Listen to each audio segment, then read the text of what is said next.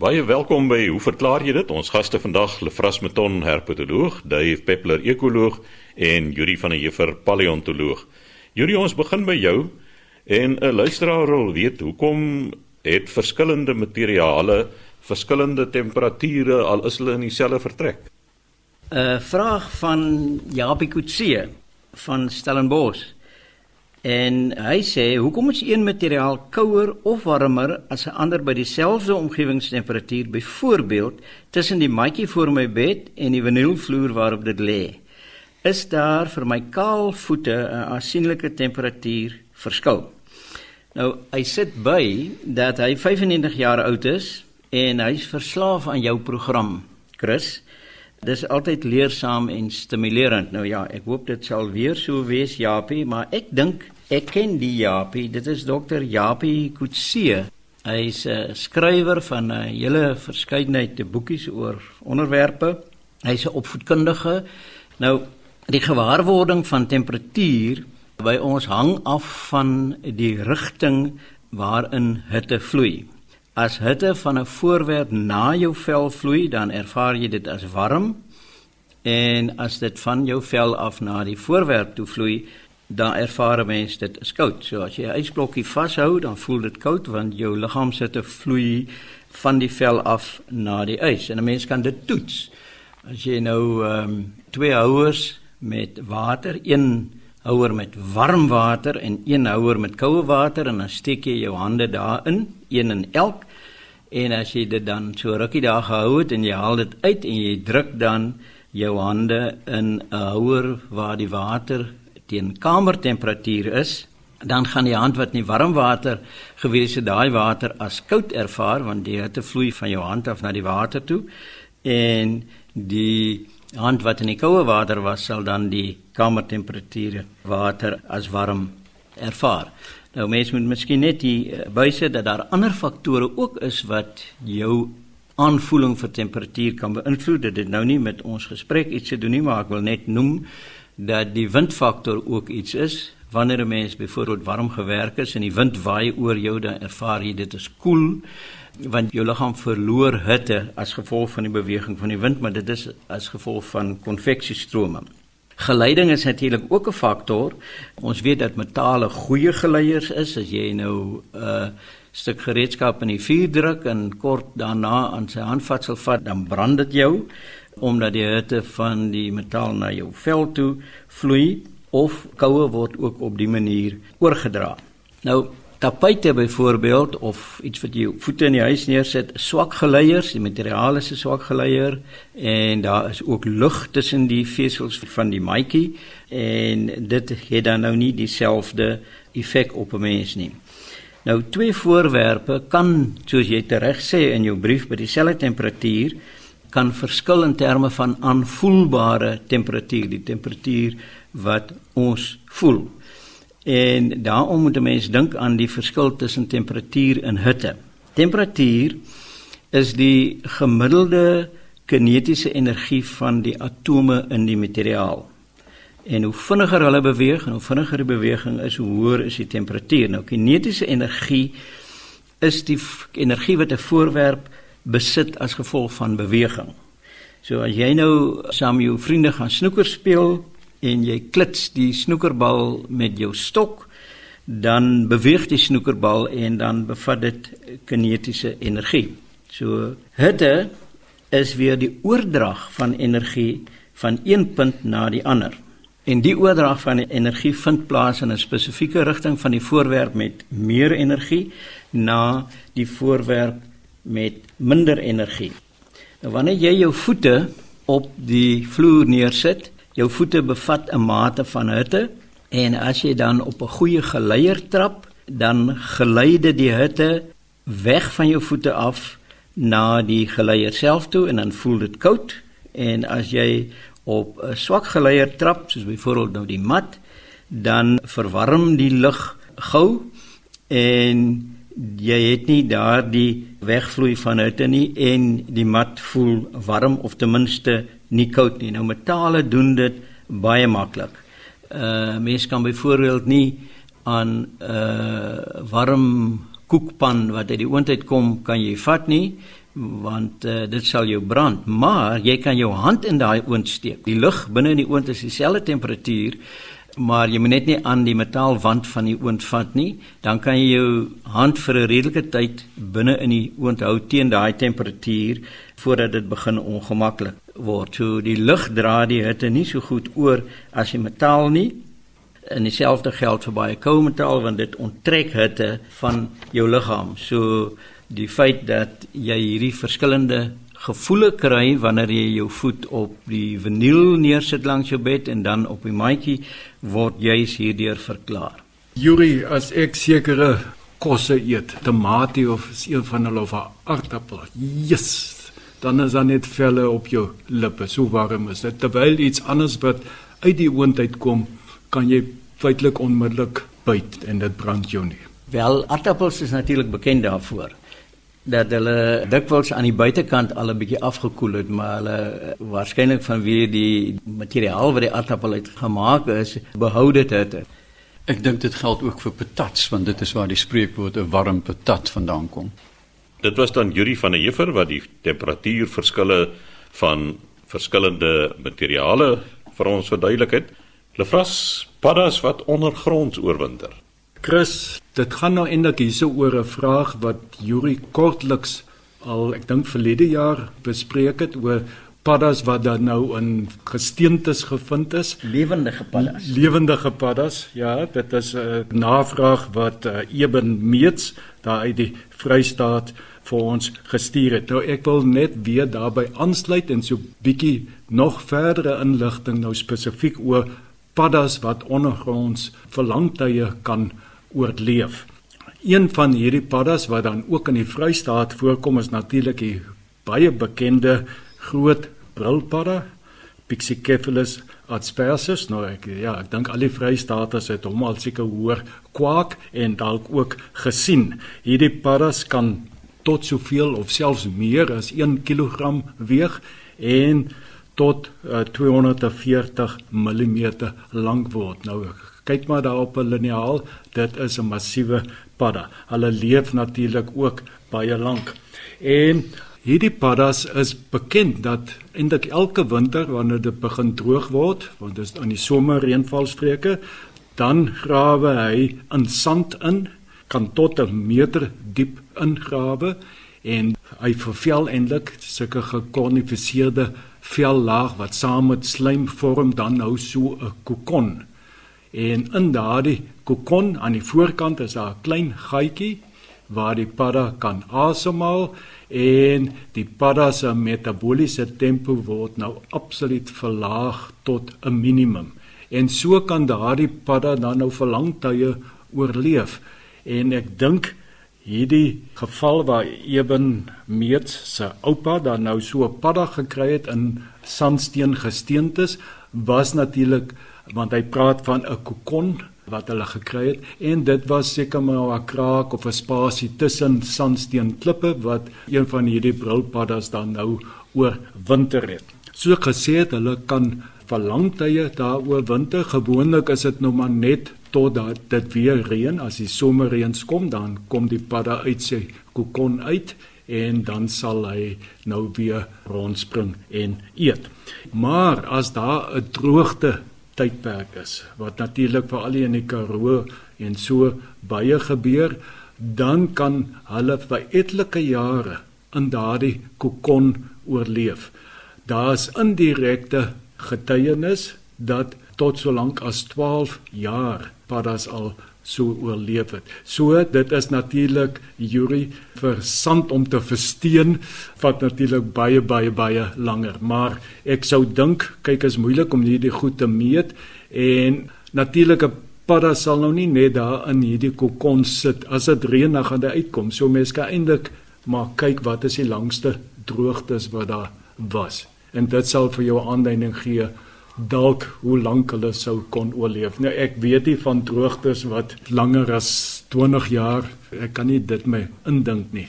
Maar 12 jaar, dit was in die Kamdebo omgewing daar by Aberdeen wat die mense, die paddas was vir lang tyd daar en toe hulle lang tyd weg En man dit was droog en toe die eerste reëns kom na 12 jaar toe kom die brilpaddas weer uit. So ek dink daardie kokon wat sy oupa gekry het was dan waarskynlik van 'n brilpadda. Maar daar's natuurlik ook baie ander diere wat droogte tye ondergronds kan oorleef, snaakse gediertes, visse. Hier in Suid-Afrika is ons nie so bekend met die longvisie, miskien in die mees noordelike dele kom die longvis voor, maar die Afrika longvis is een van daardie wat baie soos die brilpadda dan ook ondergronds in absolute droë toestande vir lang tye, etlike jare kan oorleef. Dis interessant wat jy noem en is heeltemal reg so die Afrika longvis Protopterus haal 90% van die tyd in lug asem. Hy hap lug en as die uh, droogte tye kom dan grawe hulle in soos jy reg gesê het in die rivierwal in en maak so 'n kokon met 'n gaatjie en dan gaan hy in 'n rustoestand. Nou die mense wat in die omgewing bly weet dit. En hulle gaan grawe daai kokonne uit en bære hom in die spens. So as jy nou Saterdag aand iemand kry vir 'n visbraai, dan sit jy net die longvis kokon in 'n emmer water en dit los op en dan jy lewendige longvis wat jy kan eet. Hy sal waarskynlik so 'n slijm smaak hê. Op Natuurlik die barber of die Engelse catfish kan ook nou nie in droë heeltemal droë toestande maar hulle kan in lank in modder oorlewe en snaaks die urea hulle haal ook lugasem. Hulle het mos hierdie spesiale kamers bo kan die kiewe en hulle hap lug en so dit stel hulle in staat om dan nou in modder vir baie langer tydperke. Vir al die kleiner visse feitelik in amper droë toestande kan hulle oorleef. Ja, ek dink dit is seker iets om te sien as jy daar in so 'n opgedroogde dam en jy spit en hier spit jy 'n barber uit en hy lewe nog. Daar's ook gevalle van visse, gewone beenvisse wat in sekere van die groot sandriviere kan onder die sand vir lang tye oorleef. Wat daardie geval is, dit moet grouwe sand wees en daardie rivier se watertafel is redelik hoog so die vis is onder die sand maar dit is nog onder water en hy kan dus nog asemhaal. Lefras na aanleiding daarvan daar was nou eendag 'n foto in die koerant van Beaufort Wes se dam wat opgedroog het en van die visse wat besig is om te vrek. Nou nie te lank gelede nie het dieselfde gebeur en toe wonder ek as die dam nou droog was, waar kom hierdie nuwe visse nou vandaan? Baie van daardie visse is natuurlik ons moet weet daardie damme word gevoed deur rivierstelsels en baie visse swem dit is nog maar inherent in sekere spesies om hulle verspreidingsgebied te vergroot dan swem hulle teen die stroom op maar dan sal dit natuurlik nou plaaslike visse wees. As dit uitheemse goed is maar die riviere is ook so besmet visse kan stroom opswem en ek dink die riviere is die voedingsbron van die damme wanneer daar nou weer goeie reën is. Natuurlik moet daar in die damme dan nou ook poele wees wat nou vir lang tyd standhoudend is. Ek het iewers in my agterkop 'n idee dat viseiers deur waadvoëls versprei kan word van een dam of rivier na die ander toe want ek dink dis een van die gedagtes agter die feit hoe die kratermere in Namakoland uiteindelik paddas en visse ingekry het. Maar dit is interessant wat jy sê van visse wat onder die sand kan oorleef in die watertafel. Ons het sulke visse gekry in die Karoo op 'n plaas met die naam van ek dink Maatjies rivier. Studente wat saam gegaan het, het toe in die droë rivier loop gegrawe en die visse ontdek en ons hulle teruggebring departement toe. Daar's sekere visspesies wat elke jaar aan hulle bly in tydelike waterbronne. En dan elke jaar moet daardie hele siklus voltooi word tot hulle die eiers lê en daardie eiers kan dan oorleef tot die volgende jaar. En dit beteken daardie jong visse moet vinnig groei sodat hulle alweer kan eiers lê voordat dit nou opdroog. So sê Lefras Meton, herpetoloog, laaste aan die beurt, Dave Peppler, ekoloog. Dave, iemand wil weet en dis ongelukkig 'n duur artikel motorbande wat afloop, wat word van daardie stof?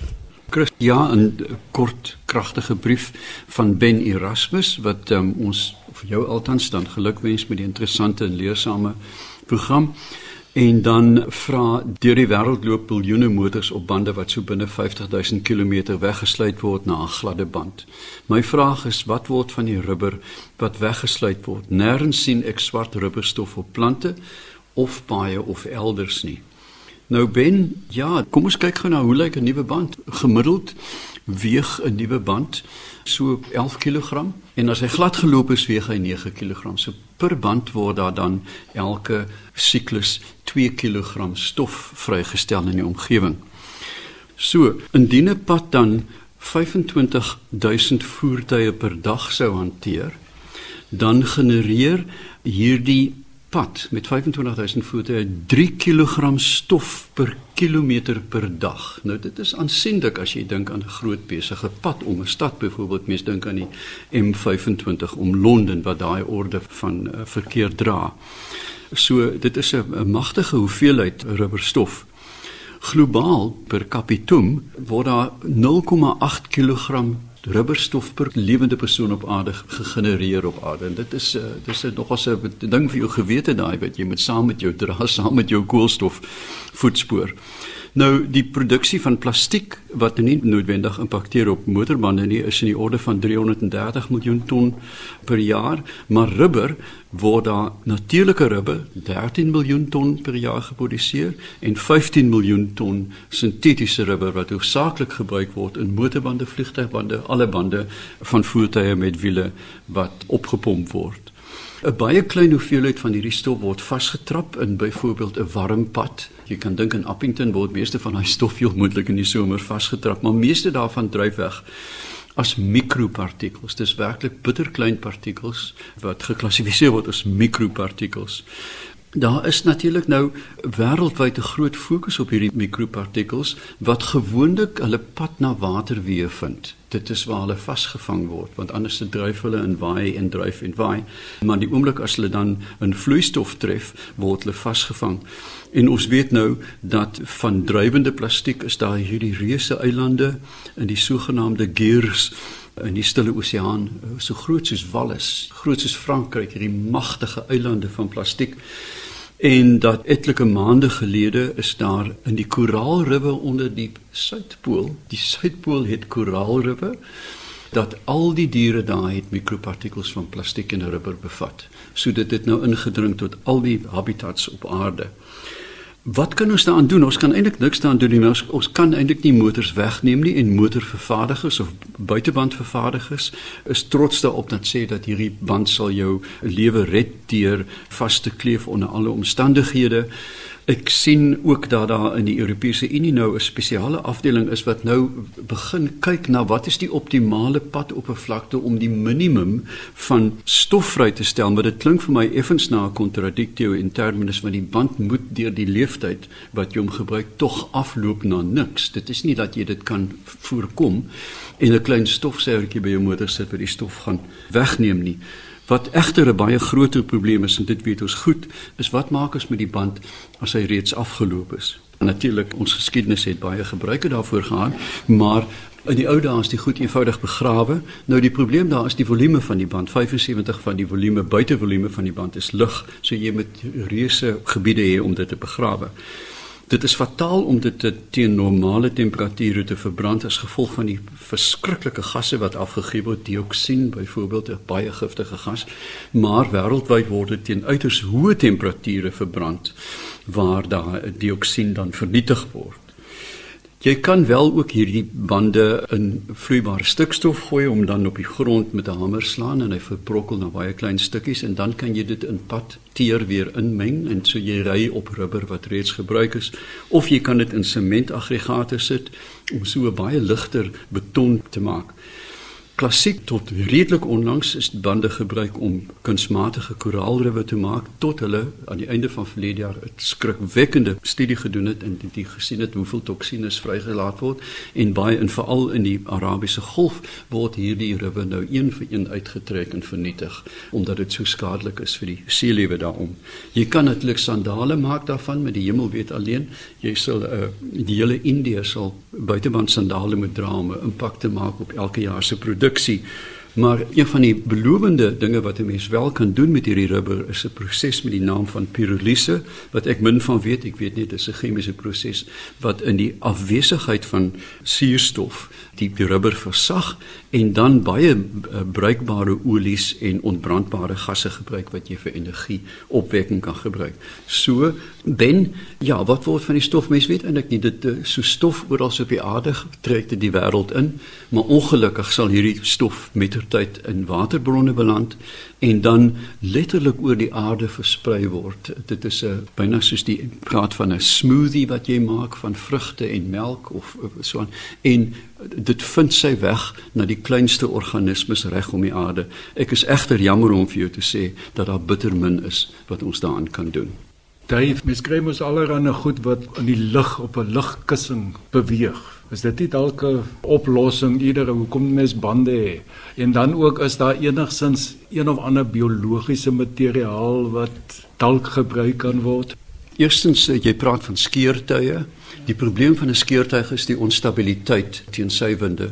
Jy weet as jy bo vir wes toe ry en daar's 'n oostewind, dan gaan al die skeurtuie aan die kant van die pad lê en hulle is ook nie baie energievriendelik nie. Alhoewel hulle praktiese toepassings het in die militêre omgewing, is dit nie jy het ontsettende krag nodig in vergelyking met 'n binnebrand enjin om dieselfde afstand af te lê. Tweedens Indien jy natuurlike rubber gebruik, is daar bakterieë wat dit wel kan vreet. Jy weet hoe lyk 'n ou motorband wat buite gelê het op 'n plaas, nou hy verbrokkel byna soos die modder in 'n dam. En dit is as gevolg van mikroorganismes. So, ek dink aanlegte kan vir natuurlike rubber gemaak word om dit wel na 'n bruikbare produk toe om te skakel.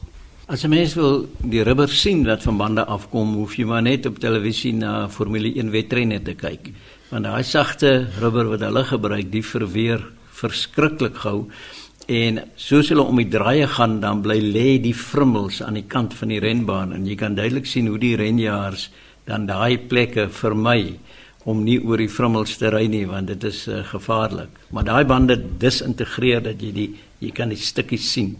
Ek het uh, jammer het dit my nou ontglip. Ek het vergeet om vir die luisteraars te sê dat daar is wel nog 'n gebruik toe ek kind was en mense het nog kaalvoet gedans op 'n sementvloer, dan het hulle hierdie rubber frummels wat jy van praat op die vloer gestrooi en dan die sous dan is seepglad oor die dansbaan beweeg. So sê Dave Peppler, ekoloog, die tyd is verstreke. Skryf gerus aan ons by hoe verklaar jy dit posbus 2551 Kaapstad 8000 of stuur 'n e-pos aan chris@rsg.co.za.